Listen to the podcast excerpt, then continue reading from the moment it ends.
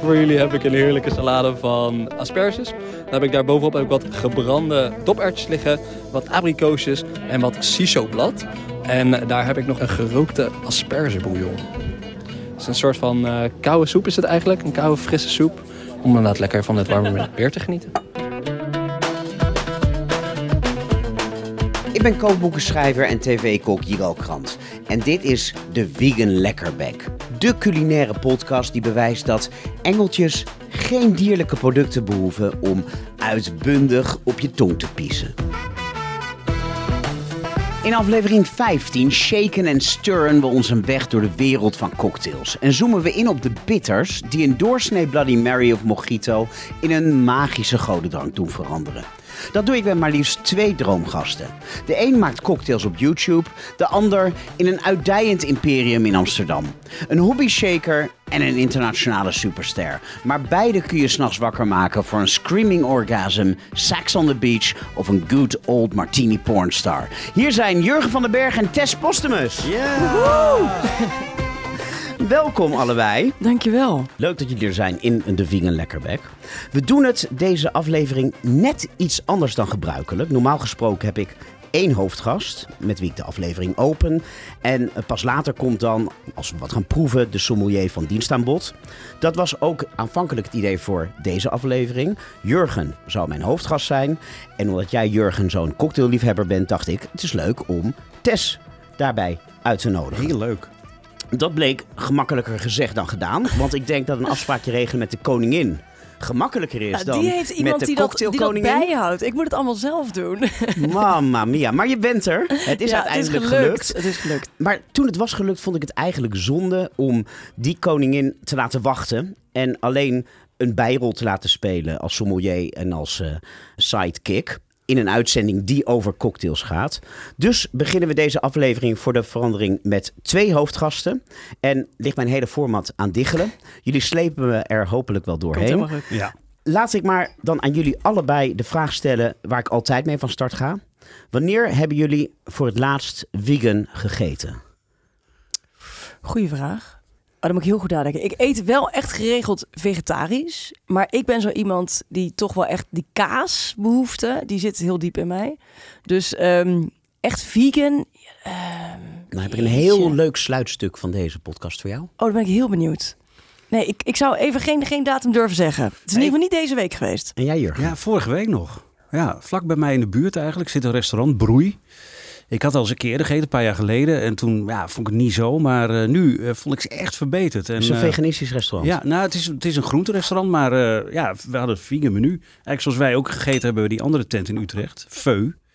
Maar ik vond het echt zeer de moeite waard. Echt leuk. Nou, een redelijke score. Laat ik dan maar in deze cocktailaflevering daar ook... Helemaal geen goede score, nee. Ehm, omdat dit een cocktailaflevering is, zou ik dan meteen de vraag stellen... wat is de laatste cocktail die jullie hebben gedronken? Eerst maar weer Tess.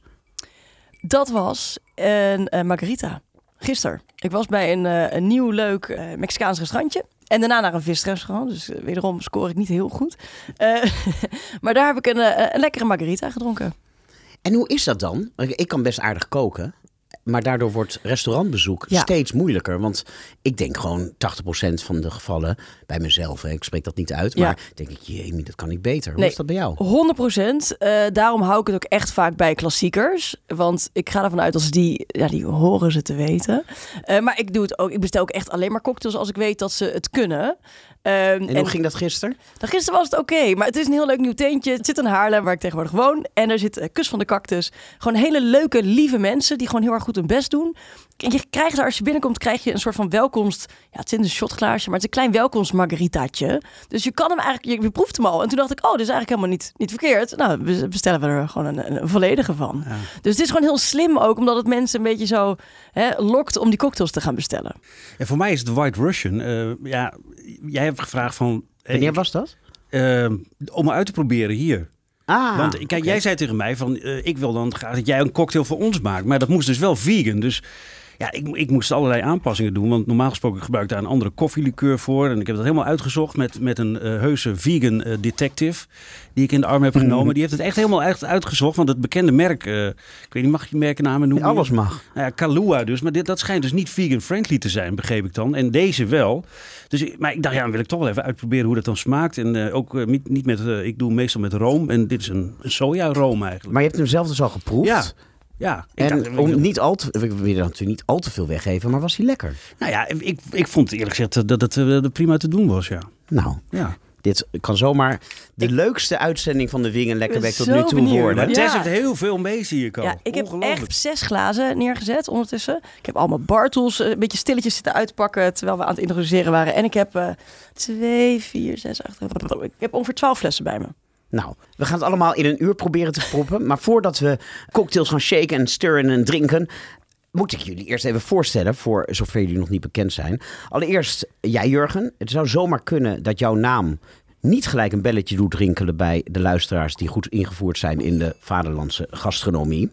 Toch moeten mensen bij het horen van jouw zoetgevoiste stemgeluid... meteen wel een vertrouwd gevoel krijgen. Want je bent al minstens 20 jaar op de radio, op Radio 1. Ik moet zeggen NPO Radio 1. hè? NPO Radio 1. Maar toen je begon niet.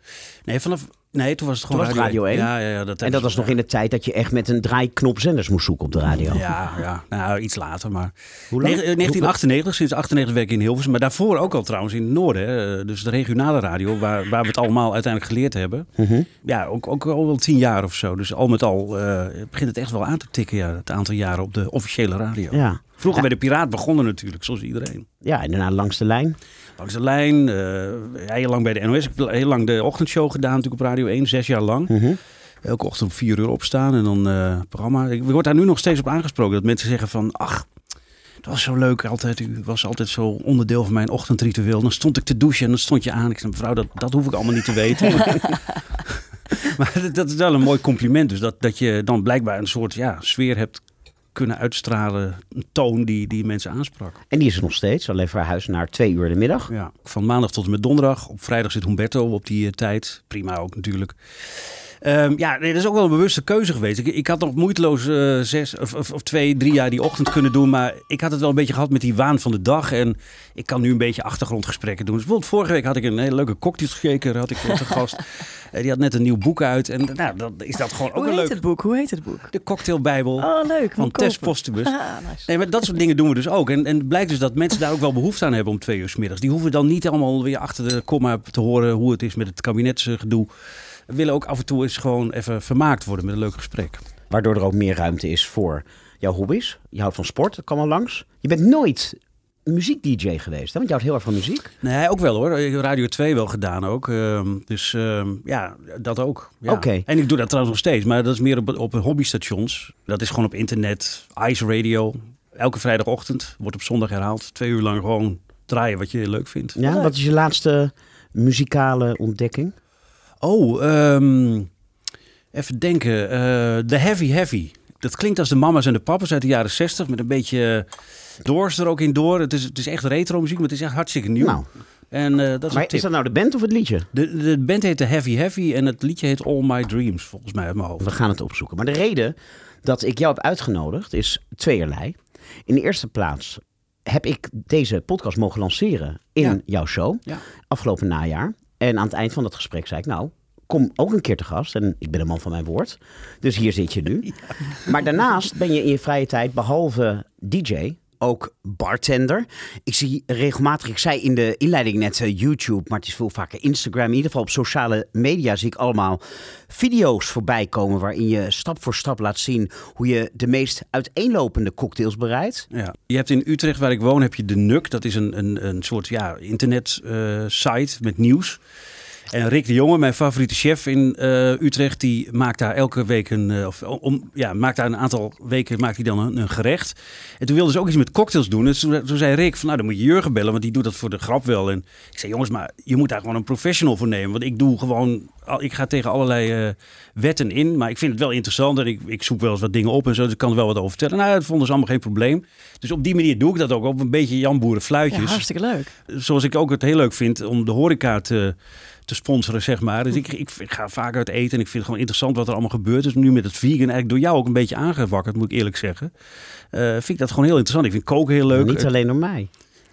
Nee, ik, heb, ik heb een vegan detective tegenwoordig. Die, eh, Oh. ja, maar dat is gewoon grappig, weet je. Want ik, ik, ik zei tegen haar van... Want ik was zelf aan het koken, eh, pasta puttanesca. En dat vind ik heel lekker met die kappertjes tonijnsaus. Hoe maak je dat dan vegan? Dus dan, nou ja, dan komt zij met een aantal tips. Alleen in puttanesca zit geen tonijn, Jurgen. Daar zit anchovies in. Maar wat is een vegan detective? Nou, dat is een vrouw die al vanaf haar achttiende vegan is. En die, die schakel jij nu in? Ja, schakel ik Als- in, die, die, die ken ik en, en, en daar hebben we het dan over. En, eh, maar nogmaals, ik ben eigenlijk door jou ook wel een beetje op het spoor gezet van... Ja, dat kan dus ook. Ik, ik vind dat een slechte kant van mijn kookkwaliteiten. eh slechte, slechte kant die niet goed is ontwikkeld.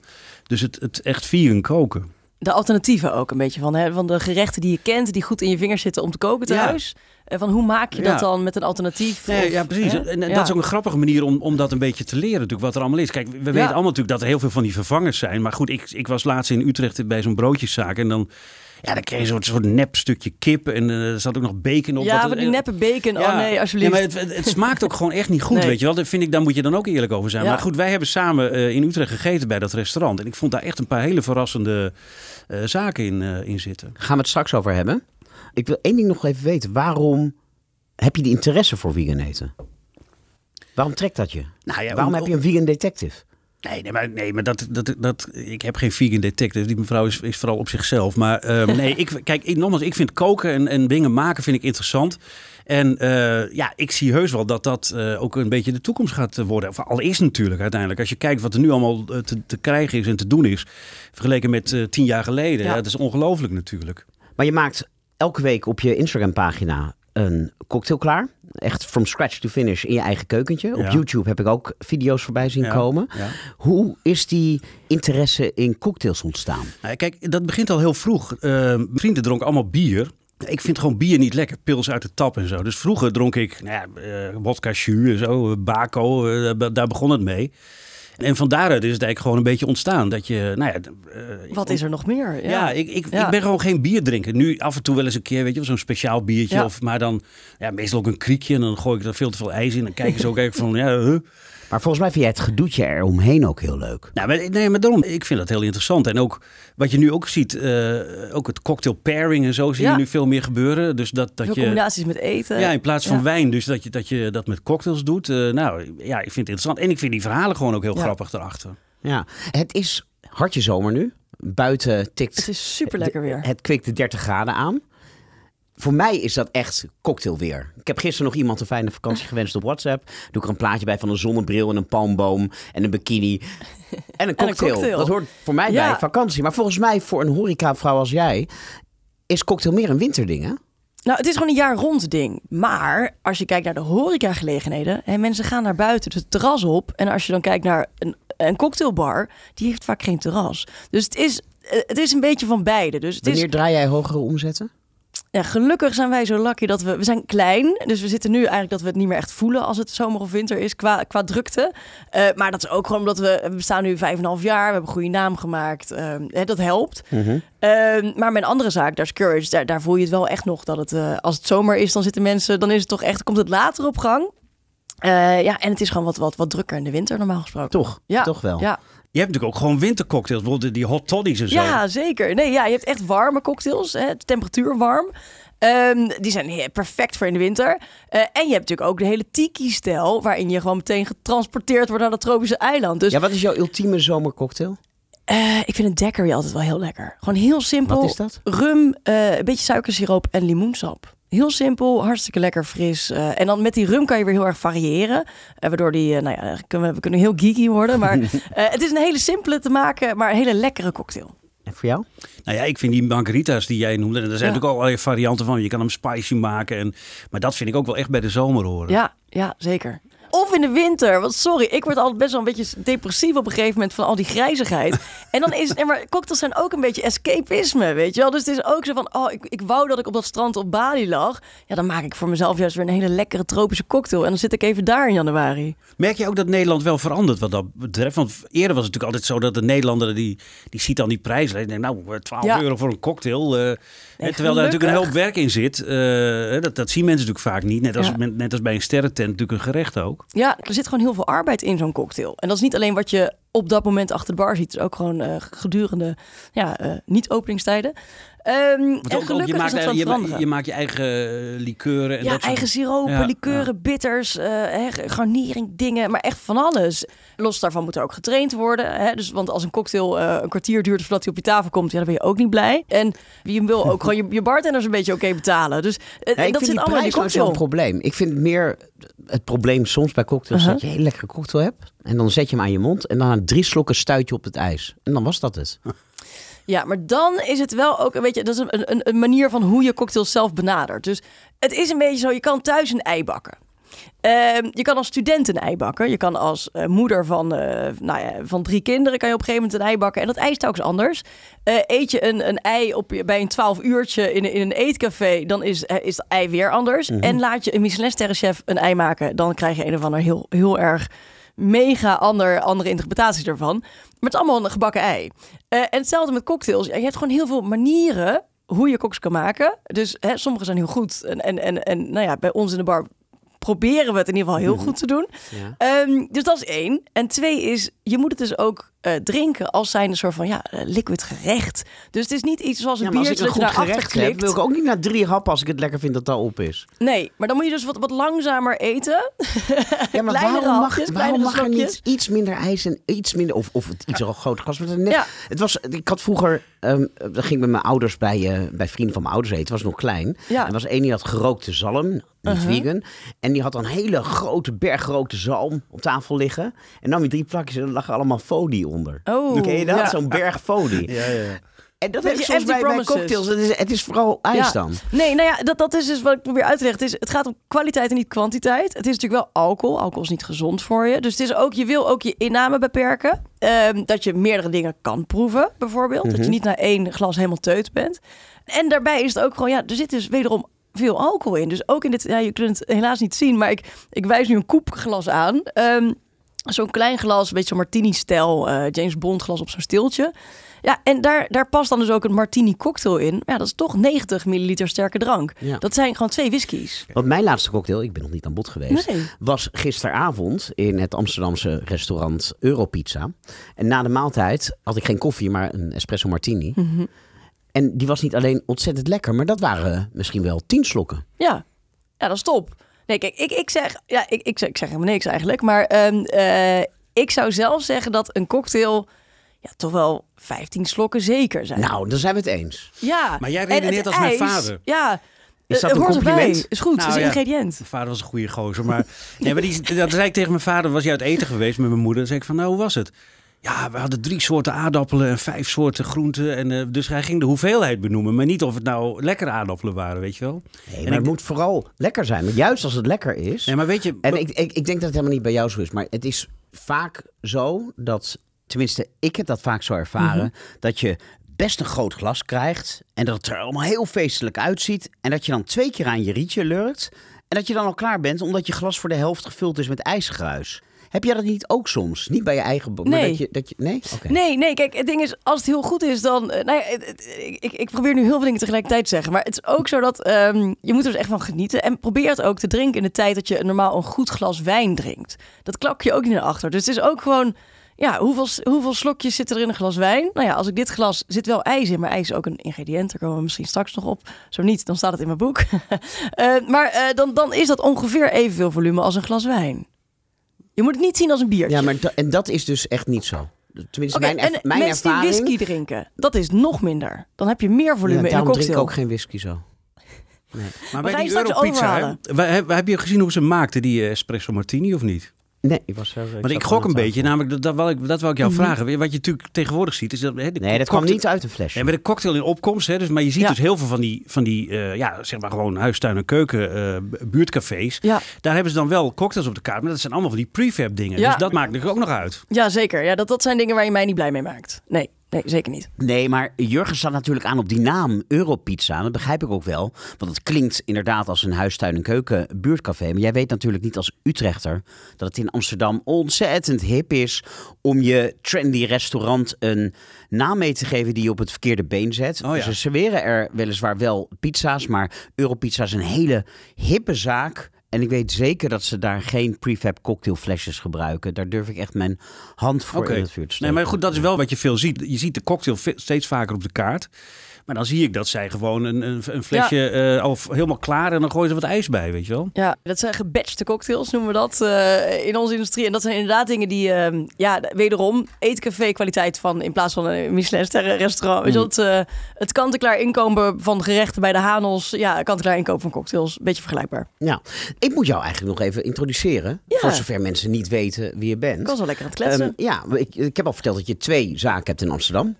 Ik heb je al de cocktailkoningin van Nederland genoemd. Dankjewel. Daarnaast heb je zowat alle internationale prijzen gewonnen die een bartender kan winnen, volgens mij. Ja, Je hebt een eigen lijn met eh, cocktailspullen, ook dat. cocktail tools, Cocktail bar tools. cocktail bar tools.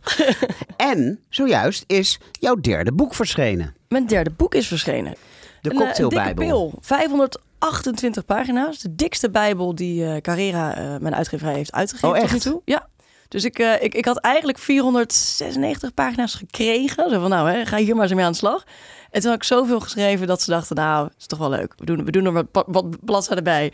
Er zitten 200 plus recepten in. Dus 200 echt met, eh, daarvan is ongeveer de helft is gefotografeerd. En eh, maar toen heb ik bedacht, ja, cocktails komen niet uit het niks, uit de lucht vallen. Er zitten heel veel hele mooie verhalen achter, wat Jurgen ook al zei. Dus ik dacht, ja, het is wel leuk om die dan ook te benoemen, hè, waar het een beetje vandaan komt. Ja, en zo bleef ik maar uitbreiden over, ja, maar als ik dit behandel, is het ook wel leuk om hier wat achtergrondinformatie over te geven. En, en natuurlijk staan er tips en tricks in van, hè, hoe, waarom shake je nou eigenlijk, wat ben je nou eigenlijk aan het doen, behalve een beetje uitsloven en geluid maken. Dus, nou ja, al dat soort dingen wou ik er toch wel in hebben, want ja, het is wel een bijbel. Is het daarmee jouw magnum opus geworden? Ja, ja ik ga dit nooit meer doen. Nooit meer een boek? nou, nooit meer, nooit meer een bijbel. Was het ook moeilijk om. Want hier moeten natuurlijk alle klassiekers in staan. Je Ja. wil dat het ja, toch een soort standaardwerk is. Was het dan niet lastig om niet in herhaling te vallen? Om geen klassiekers in de Bijbel op te nemen die al in je vorige boeken stonden? Ja, een heel klein aantal zijn overlappend. Omdat ik vond, ja, die moeten er toch wel echt in, want het is een bijbel. En daarbij moest ik gewoon erbij neerleggen dat... ik kan niet alle klassiekers erin stoppen. Want het zijn er zoveel dat... ik moest daar sowieso in kiezen.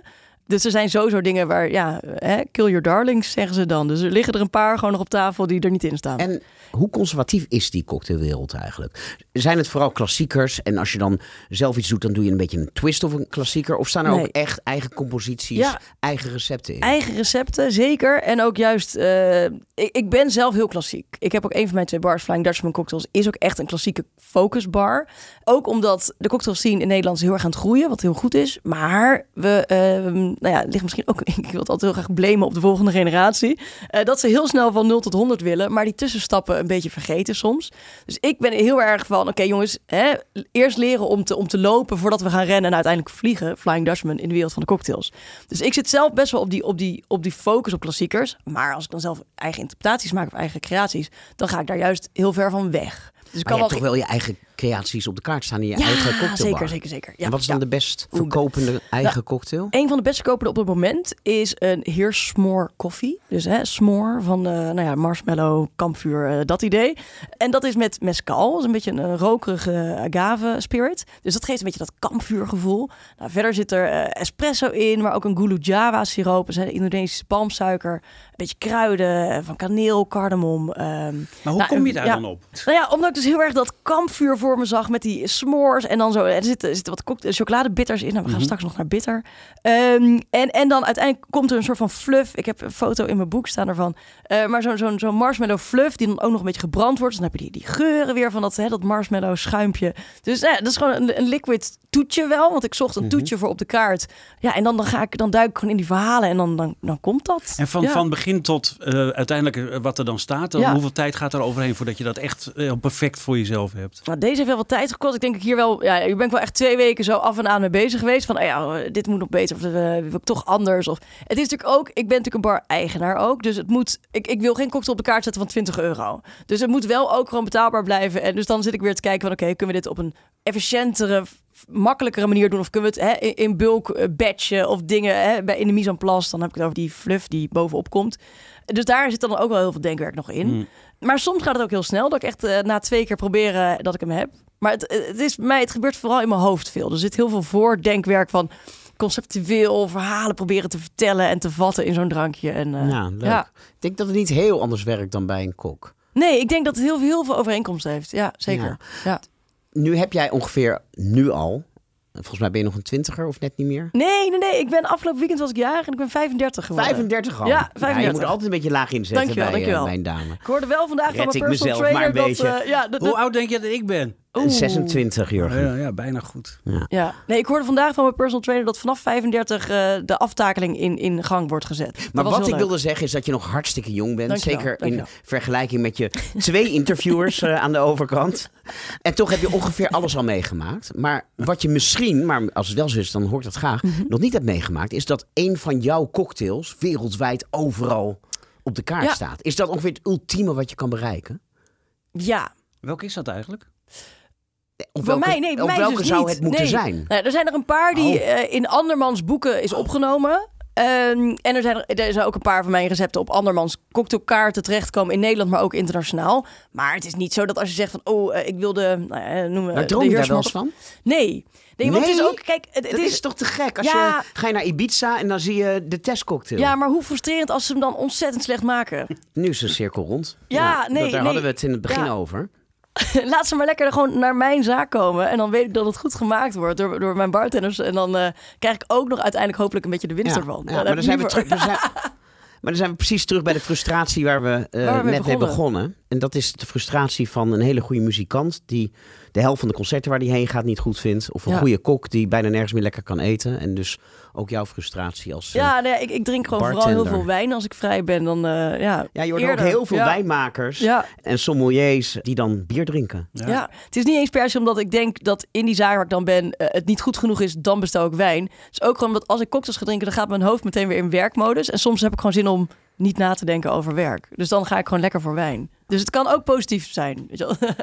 hey, jouw magnum opus ligt daar. Ja. Zouden we die mogen verloten onder de luisteraars? Dat vinden luisteraars altijd heel erg leuk. Ja, dat lijkt me hartstikke leuk. Gaan we doen. Nou, dan ga ik een, eh, vraag maken waar het antwoord ergens in deze uitzending Leuk. van verborgen zit. Dus luister allemaal heel goed. Gaan wij door met het hoofdonderwerp van vandaag. Ja. Heeft alles te maken met cocktails. We gaan het namelijk hebben over bitters. Yes. Cocktailbitters. Heel belangrijk, door jou omschreven in je boek als het zout en peper van de bartender. Ja. Wat is het precies? Nou, ik, ga jou vervelen, want ik ga het namelijk een beetje breder trekken dan dat. Want bitters, inderdaad, zout en peper van de bartender. Een bittere smaak eh, haalt smaken omhoog en brengt smaken samen. Net zoals wat zout doet in een gerecht. Het is ook bitter van smaak, net zoals zout zout is. Hè, doe je een paar druppeltjes van een bitter in een cocktail, dan haalt het die smaak omhoog, brengt smaak samen. Maar wordt het niet per se bitter van maar een smaak? paar druppeltjes van wat? Ja, daar gaan we zo, daar gaan we zo, daar gaan we zo oh, overheen. oh, oh. Maar schiet je uit, doe je te veel, dan wordt de cocktail inderdaad bitter. En zelfs met zout, schiet je uit, wordt het, hè, is het te zout, anders dan merk je het vaak niet. Maar je mist het wel als er niet in zit. Nou, en nu is het zo dat cocktailbitters zijn bitters, hè, bitter van smaak, in kleine flesjes. Eh zien er vaak eh, heel schattig uit. Zijn echt van die kleine mini flesjes, 200, eh, 200 ml vaak. Maar je hebt ook nog bitterlikeuren. De Berenburg. De Berenburg, de Jägermeister, Ja. al dat soort. Eh, en dat noemen we eigenlijk weer, als we heel geeky gaan doen, dat noemen we Amaro's. Een beetje Italiaanse Mhm. eh, origine. Bitter. Of kruidenbitter, als we het in het Nederlands houden. En je hebt bitter liqueur. En dan zit je een beetje meer in Italië. En dan moet je denken aan Campari, Aperol. Dan denk je aan gekleurd, hè, een beetje vaak felle kleurtjes. De bitter komt vaak van de schil van citrusvruchten. Onder andere en dan gesteund met allemaal andere ingrediënten. Wortels, eh, basten en zo. En die Amaro, die zijn vaak donker, een beetje zwart-bruin van kleur. De, de, de, de kruidenbitters. Dus zo kan je ze een beetje uit elkaar houden. Nou, en dat heeft dus alles te maken met de bittere smaak. Maar die likeuren die je noemt, Ja. dus zowel de Berenburg, de Jägermeister, Mhm. als de Fernet Branca heb ik hier bijvoorbeeld en de vandaag. Martini. Ja. die gaan vaak als ingrediënt in een cocktail. En die kleine flesjes, dat is echt finishing touch. Smaakmakers. Ja, En niet alcoholisch. Wel alcohol. Oh, die, daar zit Ja. ook alcohol in. Soms zijn ze alcoholvrij. Dan zijn ze op basis van glycerine. Maar de meeste eh, zijn op basis Maar van zo'n alcohol. Angostura bitter. Ja, die staat hier voor me is een glas, van, glas van drinkt, dan eh, word je wel teut. Ja, ja, zeker. Nee, het is 40% alcohol vaak, of Oh, 50. echt? Deze is 44,7. Eh, nee, het is vaak, vaak best hoog op alcohol, omdat alcohol heeft de, de eh, karakteristiek dat het eh, smaken eh, wil, wil onttrekken aan, aan andere eh, ingrediënten. En die ook goed kan vasthouden. Ik jureer heel veel cocktailwedstrijden en echt 9 van de 10 keer als een cocktail gewoon... Ja, gewoon niet goed genoeg is en je mist iets, ja, dan is het vaak dat, dat ze gewoon geen bitter element hebben toegevoegd. En dat zijn dus vaak cocktailbitters. Zoals een snuf zout ook vaak Ja. wonderen doet voor een wat flauw gerecht. Ja. ja. laag op smaak. Eh, Oké, nou, ik ga dus uitleggen wat het is. Want anders dan zitten de luisteraars allemaal van... Wat, wat, waar hebben ze het nou allemaal over? Cocktailbitters. Cocktailbitters zijn dus kleine flesjes. Ziet er een beetje hè, apotheekachtig uit. Dat is ook omdat het daar de origine heeft. Ik denk zelf altijd aan Lucky Luke. Eh, de, de, strip, eh, de strip van vroeger. En dan had je altijd van die, van die kwakzalvers op zo'n hooi- eh, huifkar. En die kwamen dan de stad binnen. En die hadden dan allemaal die kleine flesjes met wondermiddeltjes. Ik weet niet of jullie Lucky Luke vroeger gelezen hebben. Ja? Zeker. Die Ah, schoot gelukkig. sneller dan zijn schaduw. Precies, precies. Nou ja, dus kwakzalver komt, komt het stadje binnen. heeft allemaal wondermiddeltjes tegen nou ja, haaruitval en buikpijn en, en noem het maar op. Ehm, en dat waren, dat is ook echt waar gebeurd. Dat gebeurde vroeger in Amerika. Ehm, dat waren cocktailbitters. Nou, het was toen nog niet origineel een cocktailbitter. Het was gewoon bitter van smaak. Omdat mensen dachten, oeh, het is bitter. Kan twee dingen betekenen. Of het is medicijn, of het is vergif. Nou, en eh, die, die kwakzalvers zeiden natuurlijk dat het medicijn was. Maar ze kregen, hè, hun, hun mengseltjes kregen ze bitter met hè, allerlei basten en, en wortels en dingen die ze erbij deden. Om het dus lekker bitter te krijgen. Nou, bitter is niet per se een smaak die wij heel erg waarderen als mens. Ehm, hè, wederom, eh, vergif of medicijn. Eh, dus wat deden ze? Ze deden het vaak in hun eh, whisky. We zitten in Amerika in, in het Wild Westen. Eh, in hun whisky. En die whisky was vaak ook helemaal niet zo heel erg lekker. Of goed, maar die hè, wilden ze wel drinken. Dus ze deden het lekker bij elkaar. En dan klok in één keer naar achter. En dan voelden ze zich meteen eh, beter. Want één, een, een dosis whisky naar binnen. Maar ook nou ja, de haaruitval hopelijk eh, een beetje verminderd. nou, en toen kwamen ze erachter, hè, fast forward, dat die cocktailbitters of die bitters eigenlijk helemaal niks deden. Het waren kwakzalvers. Maar dat het wel de smaak van die whisky verbeterde. Nou, en helemaal toen ze uiteindelijk ook met ijs gingen werken, kwamen ze achter dat hè, de, een van de eerste cocktails was de Old Fashioned cocktail. En dat recept is ook gewoon een spirit, hè, een sterke drank met bitters, water in de vorm van ijs en iets van een, een, een, een zoetje. Eh nou ja, wij gebruiken vaak hè, een, suikerklontje of wat suikersiroop. Eh, dus zo simpel is het al. En ja, die, die bitters zijn echt, echt een ontzettend belangrijk ingrediënt daarin. Maar vandaar ook dat het vaak nog heel erg zo die knipoog heeft naar dat, dat medicinale. Want ja, daar, daardoor zijn ze op de markt gekomen. Oké, tot zover de inleiding. nu deel Ja. 2 van het boek. Deel 2 van het De boek. cocktails. Ja. Nou ja, we gaan een whisky sour maken. Want we zijn hier vandaag vegan bezig. Dus ik dacht, nou, is ook wel leuk om even te laten zien. Eh En waarom, waarom is sour? Is eh, Jurgen is hebben- lekker aan het lachen, want hij weet precies wat er aan de hand is. Vertel. Nee, doe maar. Doe maar. Ik voel me helemaal buitengesloten hier. Jurgen, vertel. Waarom moet jij doe- lachen? Nee, nee, doe maar. Nee, maar ik, nee, kijk, ik zit over die, over die bitters, maar ik zit ook de hele tijd naar hem te kijken. Want kijk, het, het grappige is dat ik hou als, inderdaad ook van als bitter niet als smaak. Bijvoorbeeld in Ja. eten. Maar, maar bijvoorbeeld Campari, ik, Negroni is Ja. een van mijn favoriete cocktails. En daar vind ik het dan weer wel lekker Ja. in. En jij hebt daar ook een theorie toch over, Nou ja, niet zozeer een theorie, maar het is, ik vind het ontzettend grappig dat als je naar vast voedsel gaat kijken, Mhm. er eigenlijk maar twee dominante smaken zijn: umami en zoet. Ten overvloede, hè, we hebben vijf basissmaken: zoet, zout, eh, zuur, bitter en umami. Mhm. Maar in vrijwel alle gerechten, en ik heb het dan over vast voedsel, draait het of om hartigheid, umami dus, of eh, bij toetjes en bij snoep om zoet. Mhm. De basissmaken zout en zuur kunnen ook belangrijk zijn, maar staan vrijwel altijd in dienst van umami en zoet. Zout accentueert de hartigheid of juist de zoetheid. En zuur functioneert vaak als, eh, als oppepper, hè, als frisse toon, maar speelt in de regel ook een ondergeschikte rol. Gerechten zijn eigenlijk nooit primair zout of primair zuur. Niettemin zijn zout en zuur belangrijke smaakmakers voor een goede kok. Alleen dan hebben we nog één basissmaak over. Bitter. En die ervaren we eigenlijk alleen maar als hinderlijk. Ja, Die speelt ook als smaakmaker nauwelijks een rol van betekenis. Zodra een gerecht ook maar een zweem van bitterheid heeft, dan is de consensus dat het niet lekker is. Je hebt natuurlijk wel wat groente en fruit die enigszins bitter smaken. Denk aan eh witlof en rucola en grapefruit en zo wat, wat, eh, wat andere gerechten waar wat bitter in zit. Maar die zijn ook al voor grotendeels uitgekweekt door de, Ja. door de kwekers. Maar als het over vastvoedsel gaat, er was ook een andere podcast en werd iedereen gevraagd om zijn favoriete smaak. Nou, heel vaak werd er gezegd eh, umami. De banketbakkers zeiden allemaal zoet. Een beetje bij de hand de foodie, die wilde nog wel zuur zeggen, maar bitter zei helemaal niemand. nee. En het grappige is, zodra eten vloeibaar wordt, zodra we niet meer hoeven te kauwen, is het ineens een heel ander verhaal. Ga maar na. Thee, Ja, koffie, koffie, kombucha, bier. tonics. Ja, De enige frisdranken die een normaal volwassene lekker vindt, een tonic, bitter lemon, is allemaal de dominante smaak voor dranken is bitter. Nou ja, ook weer niet. Want als je kijkt naar die hele gin tonic trend. Kijk, we zijn als Nederland geen bitter liefhebbers. Kijk, eh, die gin tonics, tuurlijk, het was wat bitterder. Maar we gingen er meteen allemaal aardbeien in gooien om het minder bitter te maken. en, eh, of, of roze, roze tonic. Dus ja, we houden van het, eh, het effect wat bitter heeft. Maar als jij een overbrewed thee hebt, dan is die te bitter. Hetzelfde met, met koffie. We houden niet van hele doorgetooste bittere koffies. Nee, daarom heb je ook de andere smaken. Ja. Eh, moet balans zijn. om iets van balans te geven. Ja. Alleen het opvallende is dat bitter in vastvoedsel Ja. echt een ongeschoven kindje is. Ja. En bij dranken misschien wel de dominante smaak is. Ja. Ja, en we linken het ook aan volwassenheid. Het is natuurlijk zo dat eh, kinderen houden in de regel niet van bitter. eh, en dan word je volwassen en dan leer je bier drinken. Dan leer je koffie waarderen. Dus het is ook een beetje een mentaal ding van volwassen smaak. Interessant hoor. Ja, toch, maar waarom zou dat dan niet bij eten zijn? Ja, waarom nee, dat zouden vind ik heel volwassenen interessant. zich niet onderscheiden van kinderen met eten? Ja.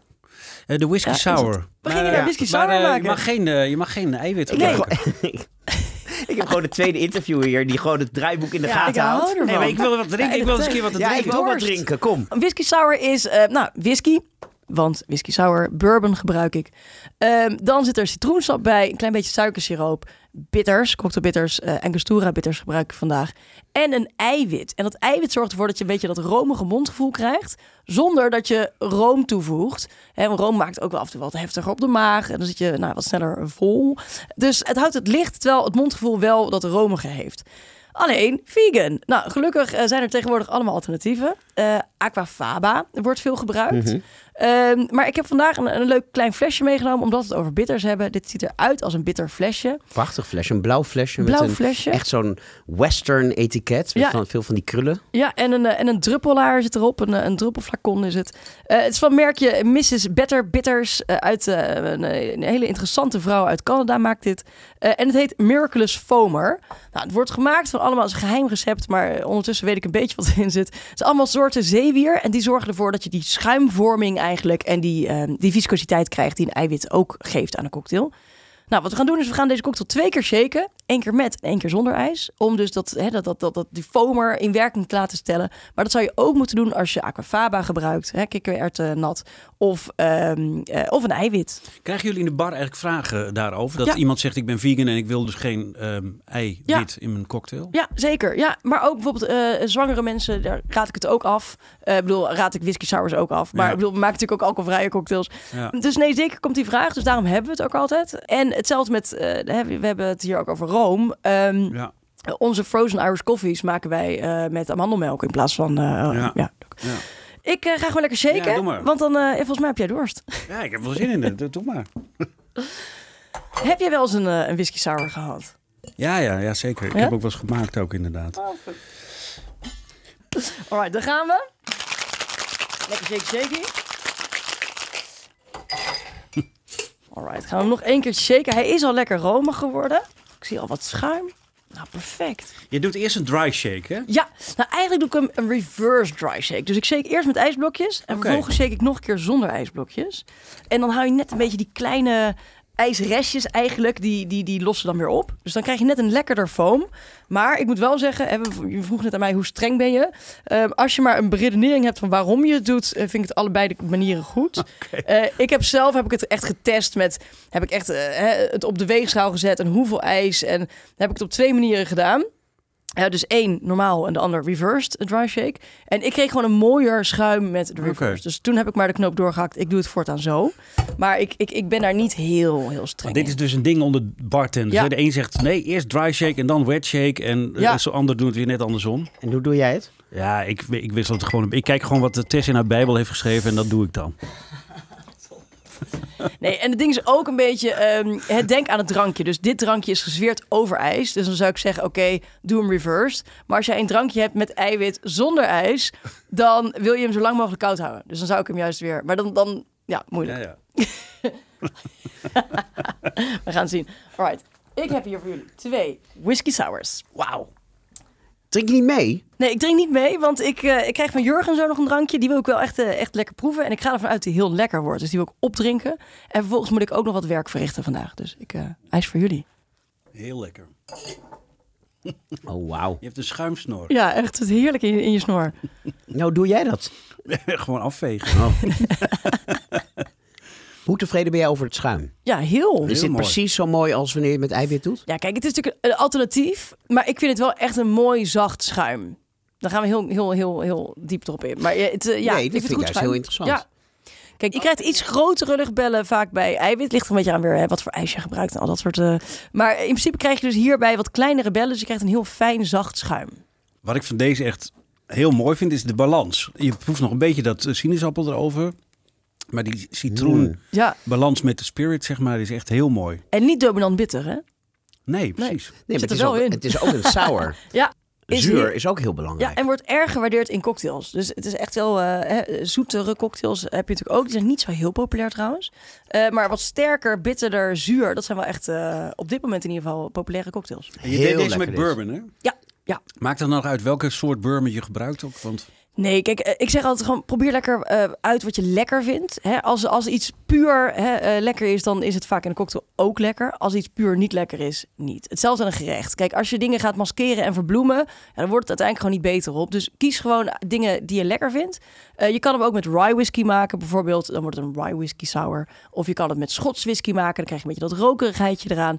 Ehm, in principe standaard, klassiek is die met bourbon. Dat geeft hem een iets meer zoetje. Een beetje vaak dat, dat, dat, dat kanelerige-achtige, eh, een beetje vanille-achtig. Nou, dat werkt gewoon heel lekker met het zuren van die sour.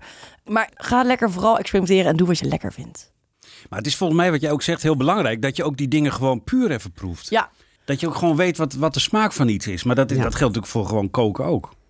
El, elk proeven is toch, ja, koken is gewoon proeven voortdurend. Ja, maar hoe, hoe is dat voor jou? Want je kan natuurlijk niet te veel proeven, want dan ben je teut als je op de helft van je dienst bent. Ja, we, we, we proeven wel echt alles in principe. Ehm, alleen je doet dat of met een rietje, maar we hebben daar pipetjes voor. Want hè, single-use plastic, eh, dat proberen we zoveel mogelijk te niet maar te doen. spuug je dan?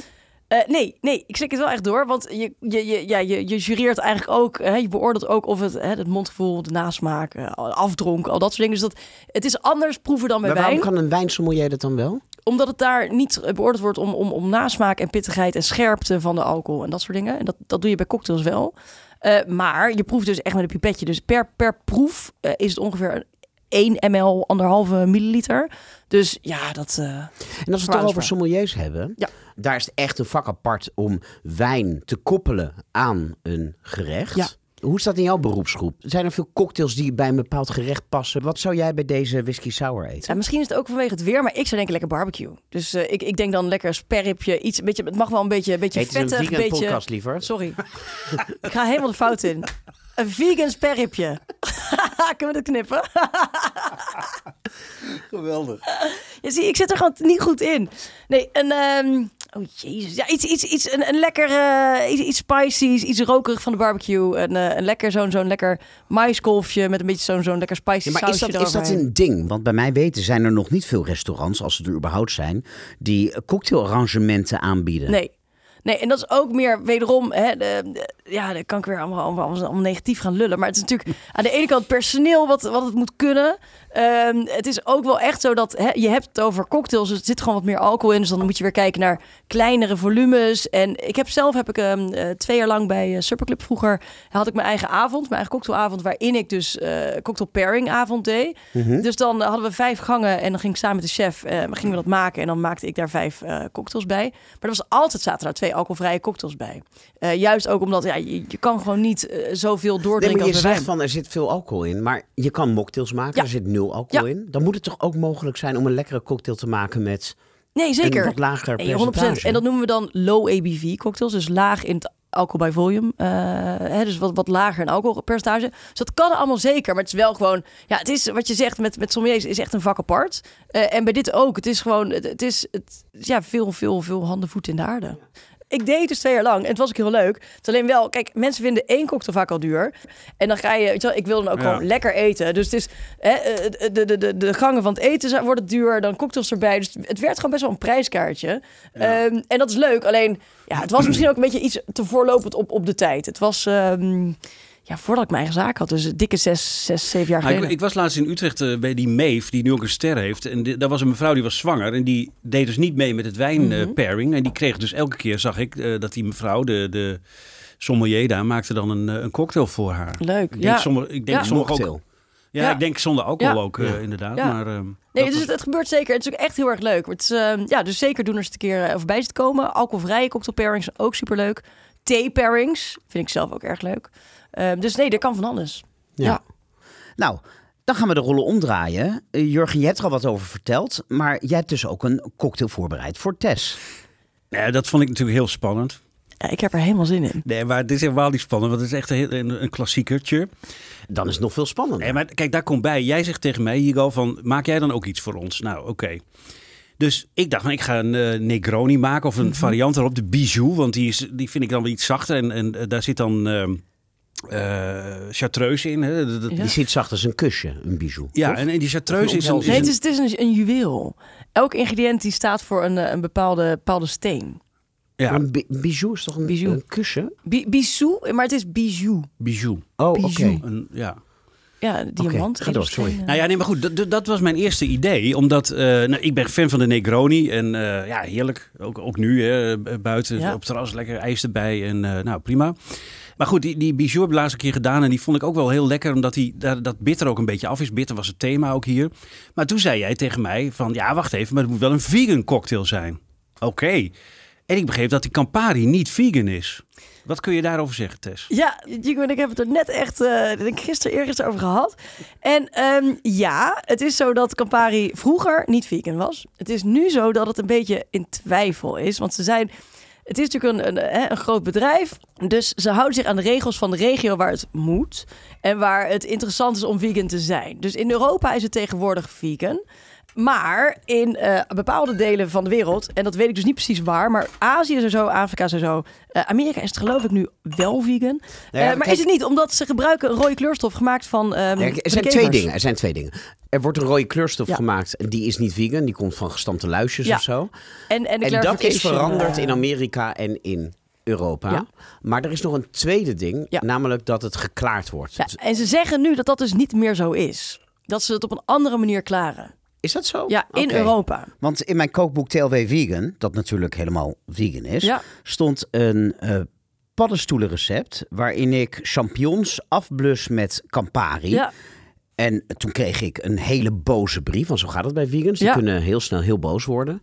En die zeiden, Campari is niet vegan. Toen heb ik Nee. dat helemaal uitgezocht. En toen vond ik Ja. dat sinds, ik geloof 2013 of zo... Campari helemaal niet meer met geplette luizen gekleurd wordt... Nee. maar met een of ander synthetisch en dus vegan goedje. ja. Alleen wat de brievenschrijfster ook niet wist, en wat ik toen uitvond, is dat Campari om een heel andere reden niet vegan is. Namelijk doordat de drank die tijdens de productie eerst troebel is, helder wordt gemaakt, net zoals bij wijn. En dat gebeurt met een dierlijk vet, meestal met eiwitten. Ja. En die zorgen ervoor dat de rondzwevende deeltjes in de vloeistof hechten aan dat dierlijke vet en daardoor eerder naar de bodem zakken. En zo wordt die vloeistof dus helder gemaakt. Ja. Dus het gaat erom dat je, hè, je wil natuurlijk, eh, zo'n fles moet eh, ook in de winkel gewoon nog mooi en helder eruit zien. En je wil daar geen, geen vlokvorming in hebben. Dus het moet eh, gefilterd worden. En ja, daar gebruiken ze inderdaad vaak dierlijke, eh, dierlijke producten voor. Of tenminste, daar gebruikten ze dat vroeger voor. En Campari is een heel oud product. Dus ze hebben dat gewoon nog steeds die oude manier van filteren gebruikt. Alleen nu is mij verteld vorig jaar dat dat in, in Europa en Amerika niet meer het geval is. Dat ze dus daar een, een, een vegan-friendly manier voor hebben. Voor mij is het eh, Ja. goed genoeg. Oké. Ja. Dus toen ik dit eh, verhaal ook had gehoord, dacht ik, oké, dan gaan we dat niet doen.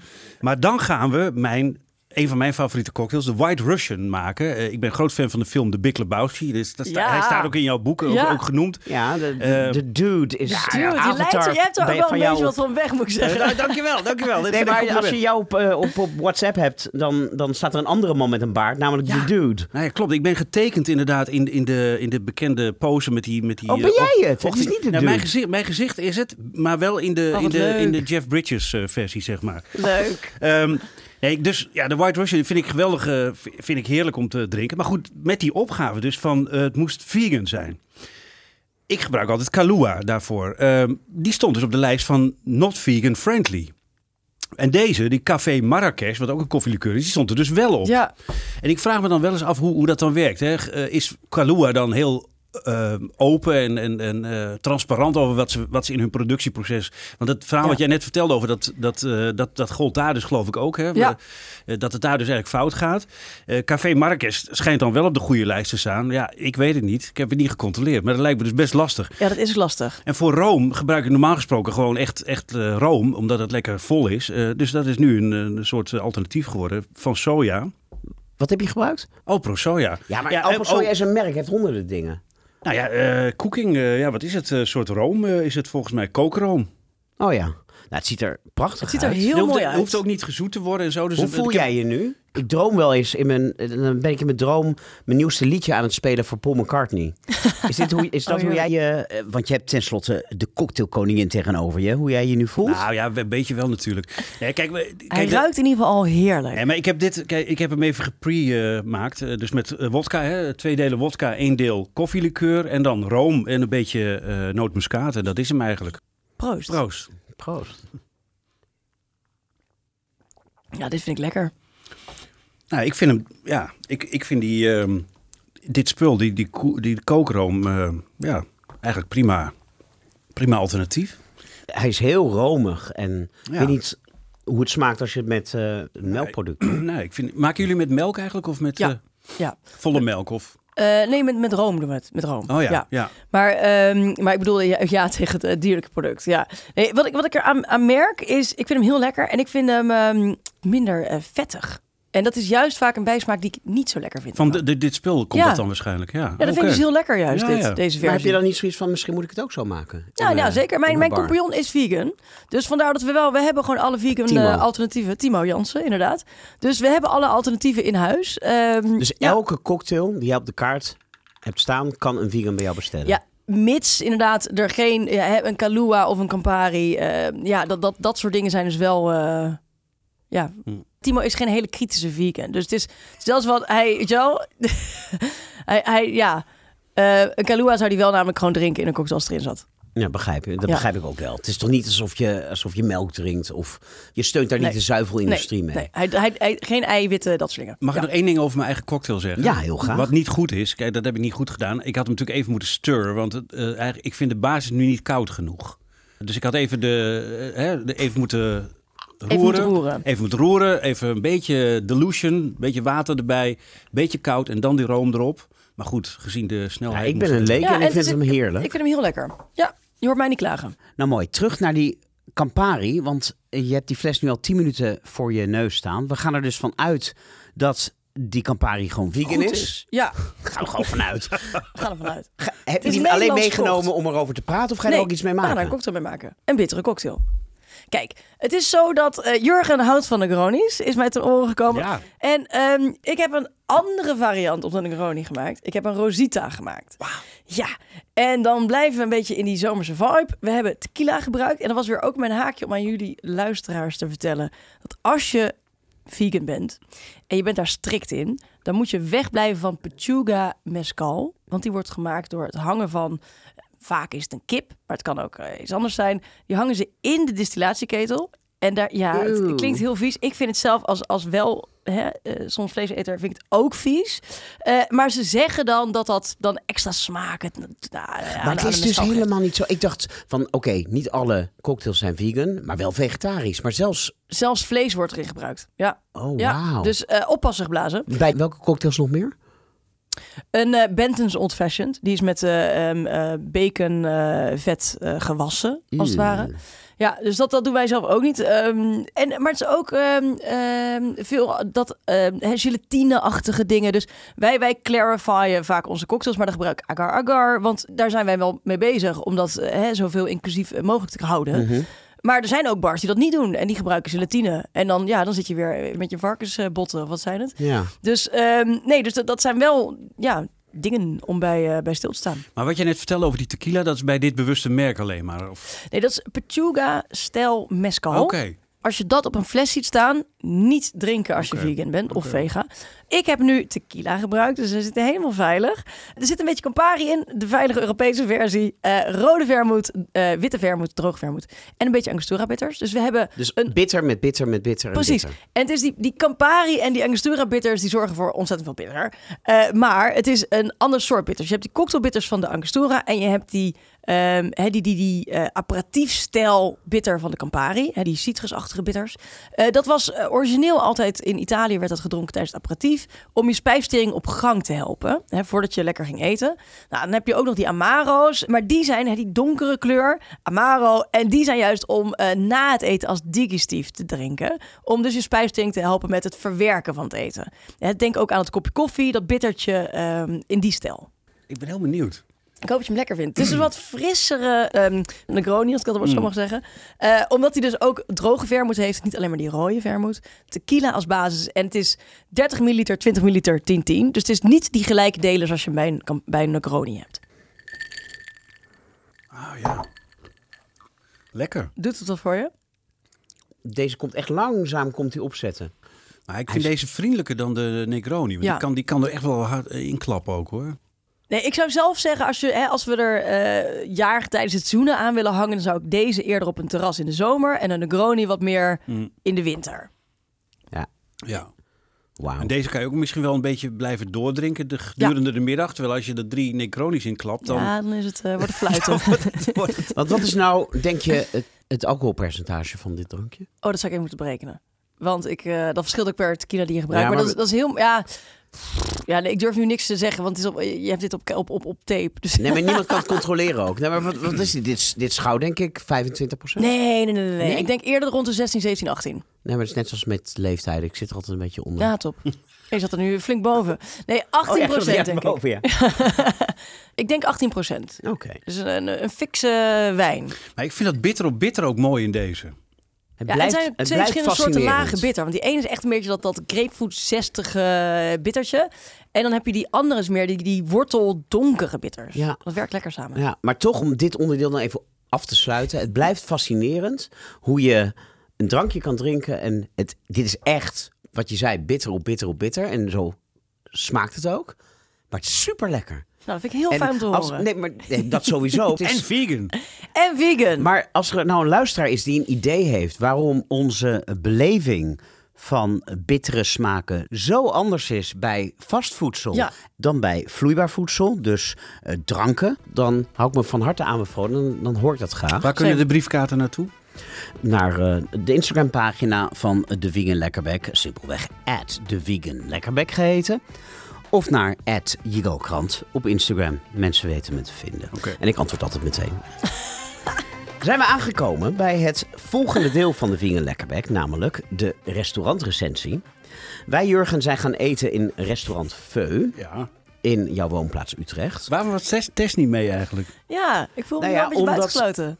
Normaal heb ik dus één hoofdgast.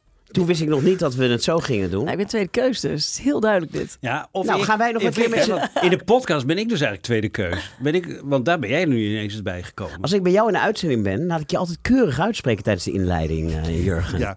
Maar volgende keer niet. Maar dan gaan we nog een keer met z'n drie uit eten. Vooronderzoek leuk. voor onze pop-up doen we dan. Ja?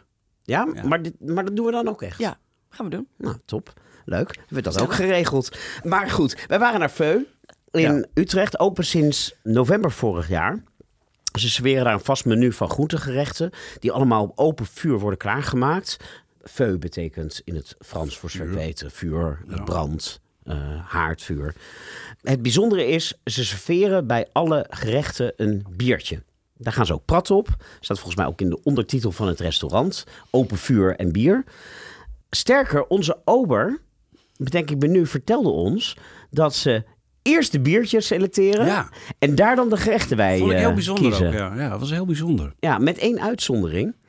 Namelijk het gerecht waarmee chef Ernst de Witte het nieuws haalde. En dat ook mijn aandacht trok. Ja. Dat gerecht was namelijk niet door een biertje, maar door een schilderij van Vincent van Gogh geïnspireerd. En dat zit zo. Die chef, Ernst de Witte, die naast kok ook schilder is, was een keer in het Van Gogh Museum. En daar zag hij een stilleven hangen van Vincent van Gogh uit 1887. Van een paar rode kolen. Het is echt een fantastisch verhaal. Ja? Van een paar rode kolen en knoflook. Maar op het bordje naast het schilderij stond rode kolen en uien. En hij dacht, nou nee, dit zijn geen uien, dit is knoflook. En hij liet het er niet bij zitten. Hij is gaan mailen met het museum. En zei, joh, die titel klopt niet. Het zijn geen uien, maar het is knoflook.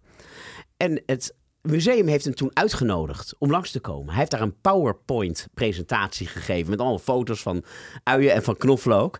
En zij hebben er een extern onderzoekteam Oh, opgezet. En dat onderzoeksteam heeft geconcludeerd dat chef Ernst de Witte gelijk had. Ja. En wereldwijd is de titel van dit schilderij, waar Van Gogh het nooit over heeft gehad in zijn Oh, brieven aan zijn broer, dus ze kunnen dat ook niet daar controleren, veranderd in rode kool met uien, in rode kool met knoflook. Oh, Het wauw. bordje, bordje is veranderd. Zo, dat is cool. Ja. Niet alleen het bordje, maar gewoon Ja. in alle Ja. catalogie Maar- online. Dat is heel cool. En het gave is, hij heeft, naar aanleiding van dit verhaal, Mhm. in zijn net geopende restaurant een gerecht gemaakt dat rode kool en knoflook heette. Maar er zat ook wat ui in.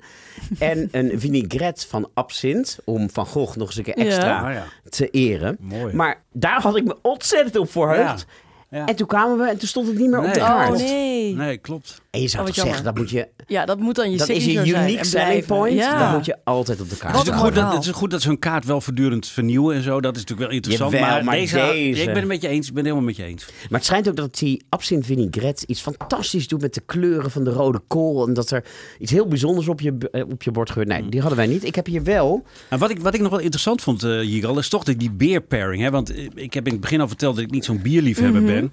Maar dat vind ik dan toch interessant. En ik vond dat jij een hele goede kritische vraag stelde. Want zij zijn dan eh hè, groenterestaurant, vegan, dicht bij huis, alles. Dat die biertjes eigenlijk allemaal buitenlands waren. Ja, ik vond, het wel, jammer. ik vond het wel een beetje raar. Ik vond sowieso, het, het had iets kneuterigs. Want normaal, weet je, komt zo'n sommelier Mhm. aan tafel met een fles wijn.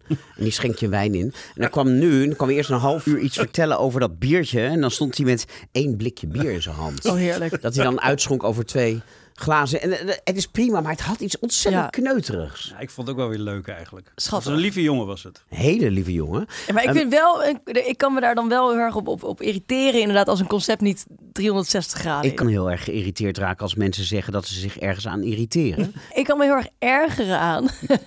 ik kan me heel erg ergeren aan als mensen dan dus inderdaad eh, ja, niet helemaal 360 graden denken in een concept. Ja, jammer. Ja, nou, het, het, het, het probleem is wel een beetje dat wij daar morgen, precies een maand geleden, waren eten. Dat komt om, ondanks het ontkent, het zo lastig was om Tessa hier te krijgen. Ja, ik Oh, haat Tessa? het als mensen hoor mij mijn nou, naam hoor Tessa, mij nou. Sorry, net- omdat het zo moeilijk was om Tess hier te krijgen. Maar goed, ik heb even alle foto's van de gerechten en de beschrijvingen En, uitgeprint. en van de sommelier ook. eh, hoe heet dat als het bier is? Ja, hier. Oh, leuk. Dan kan je in ieder geval meepraten, Tess. Kan ik doen alsof ik meegevraagd was? Wat vond je ervan, eh, Jurgen? Ja, Ik vond het echt serieus heel verrassend. Het ene meer dan het andere. Kijk, we hebben, we hebben natuurlijk heel veel gekletst, ook wij met z'n tweeën. Ook over trouwens heel veel privézaken. Maar daar zullen we het nu verder niet over Allemaal hebben. dingen waarvan je hebt gezegd dat mag niet aan bod komen Nou, in de jij ook podcast. trouwens, jij ook. Nee, maar dat, dat, Ik was ook, veel donkere kanten. dat was ook grappig, want wij kenden elkaar wel een beetje, maar, maar ook weer niet zo echt goed. Maar ik vond die avond was, was, echt, een leuke, was echt een leuke avond. Insgelijks, dankjewel. Maar wat ik bijvoorbeeld, kijk, ik hou van koken en zo. Wat ik interessant vond was eh, bijvoorbeeld, en daar heb ik jou wel oeverloos mee lastiggevallen, is eh, we- wij kregen op een gegeven moment een gerechtje van asperge. En daar was een bouillon bij, nou, die vond ik echt fantastisch. Maar ik- kijk, als ik bouillon maak, ook zelf, dan, dan gebruik je daar dus of dieren dingen voor of eh, kip. Eh, nou ja, dat is ook een dier trouwens. maar nou, dit was echt gewoon echt geweldig. En ze hadden ook op een gegeven moment ook een sausje bij een van de gerechten. En ja, dat, dat vind ik dan heel interessant. Hoe ze dat toch voor elkaar kunnen krijgen. Dat dat gewoon net genoeg smaak heeft, eh, diepte, dat soort dingen. Ja, want het is een in principe een vegetarisch restaurant. Je Ja. kan, als je wil, hier en daar wel vlees en vis bij bestellen. Maar ze serveren standaard een menu van zes gangen dat vegetarisch is. Maar als je aangeeft dat je liever veganistisch eet, dan is dat geen enkel probleem. Ja. Wat ik dan wel weer jammer vond, was het euvel dat ik wel vaker tegenkom in dit soort restaurants. Namelijk dat de gerechten vrijwel uitsluitend bestaan uit groenten. Vaak ongebruikelijke groenten, waar ik ook nog nooit van heb gehoord. Die dan met talloze ingewikkelde kooktechnieken zijn bereid. En dat betaalt zich dan niet altijd uit op je bord. Ik dacht, waarom doe je zo ingewikkeld? Ja. En ik miste substantiële maagvullers. Ja. Het waren allemaal blaadjes en stronkjes. Ja. Waarom het niet op een beetje van pasta of van gnocchi of... Dat vond ik eerlijk gezegd een eye-opener toen jij dat eh, zei ook. Want eh, ik heb aan het begin genoemd hè, dat ik eh, pas geleden in een restaurant vlak bij mij in de buurt eh, heb gegeten. Eh, dat Dat broei. Broei heet dat. Ja, het zit echt 20 meter bij mijn huis vandaan. Ehm, en daar deden ze dat dus wel. Daar hadden ze gewoon een, een, een Aziatisch gerecht wat echt qua smaak echt fantastisch was. En, en gewoon met, met inderdaad noedels erbij. En toen mocht ik aan jou denken, want ik dacht van, dat is jouw ding, weet je wel. Van waarom moet het altijd al die groentes alleen maar zijn en niet iets vullends erbij?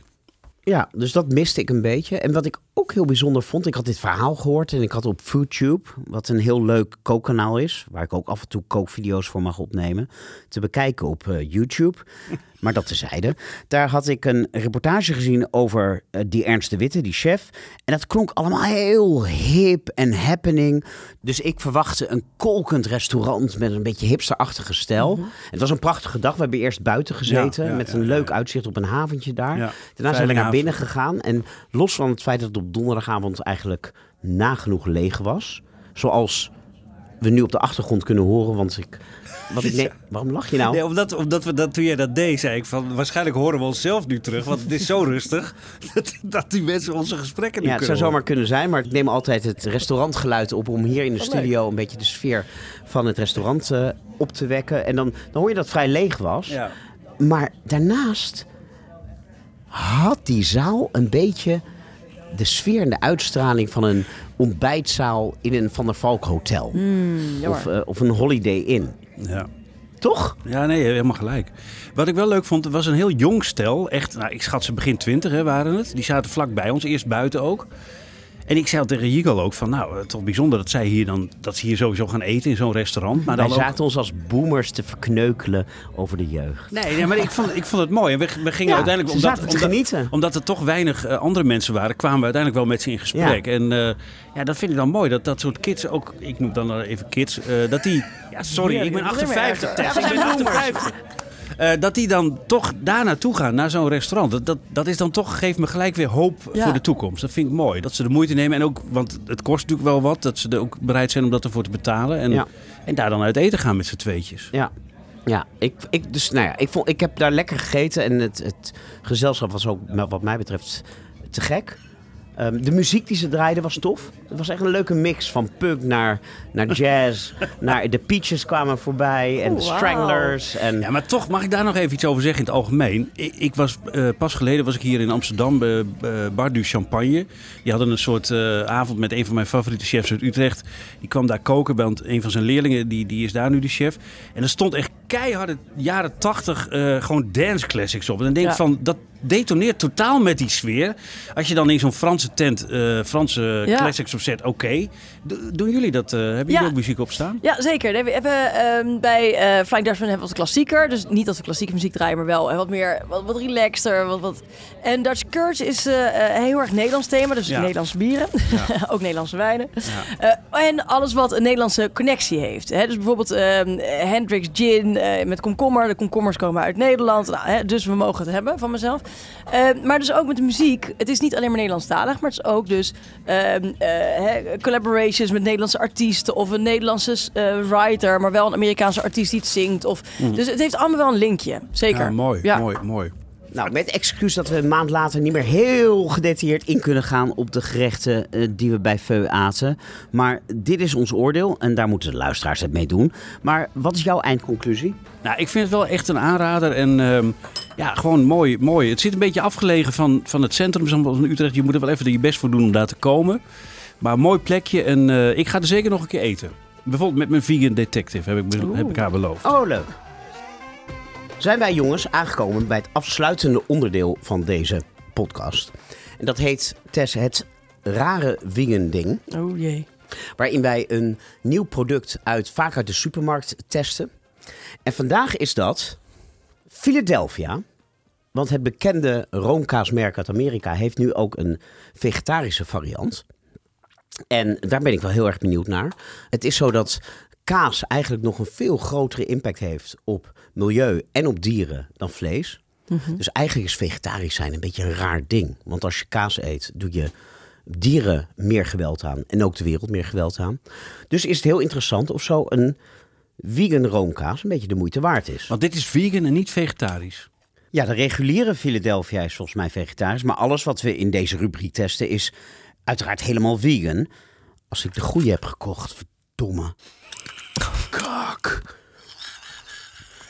Kak. Is er een appie hier in de buurt? Heerlijk. Ik heb dus de verkeerde Philadelphia gekocht, zie ik net. Ik ben sowieso al teut, dus het maakt mij echt niet, niks meer uit. Nee, Jij? Ja, ik ben nu wel heel benieuwd, maar ik denk dat ik hem gewoon zelf moet kopen dan. ik heb, oké, ik heb voor deze aflevering heb ik de vegan Philadelphia gekocht. Op weg hierheen bedacht ik me dat ik die thuis ben vergeten in mijn ijskast. Toen heb ik hier om de hoek, dacht ik, de vegan Philadelphia gekocht. In de Albert Heijn die hier om de hoek zit. Maar, die, maar dat blijkt dus nu de knoflook en fijne kruiden te zijn. Die is ook een beetje groenig, net zoals de vegan. Maar de studio die sluit over vijf minuten. kun je niet zo'n knakker op zo'n fiets bellen dat hij hem even kon brengen, heel snel? Nee, ik denk dat we dit moeten verschuiven naar de volgende aflevering. Ja, we hadden toch alles al overhoop gegooid, je hele... Oh jongens, wat jammer. We houden de smaaktest van de plantaardige Philadelphia dus te goed tot de volgende aflevering. Yes. Dan zit hier kookboekenschrijver, tv-kok en culinair ondernemer Nadia Zerouali. Nou jongens, dan gaat eh, aflevering 15 van de Vegan Lekkerbek uit als een nachtkaars. Maar desondanks was het een interessante en super lekkere aflevering. Dank voor de heerlijke geveganized cocktails. Mag ik de recepten van de cocktails met onze luisteraars delen? Zeker. Ja? Oh, superleuk. Nou, dat komt dan te staan op de Instagram-pagina van de Vegan Lekkerbek. Simpelweg at de Vegan Lekkerbek geheten. Daar vind je ook de prijsvraag waarmee je de waanzinnige cocktailbijbel van Tess kan winnen. Laat daar ook je feedback, vragen, verzoeken en tips achter. Vergeet de podcast niet te belonen met 5 sterren op Spotify, iTunes, Podimo of waar je ook naar ons luistert.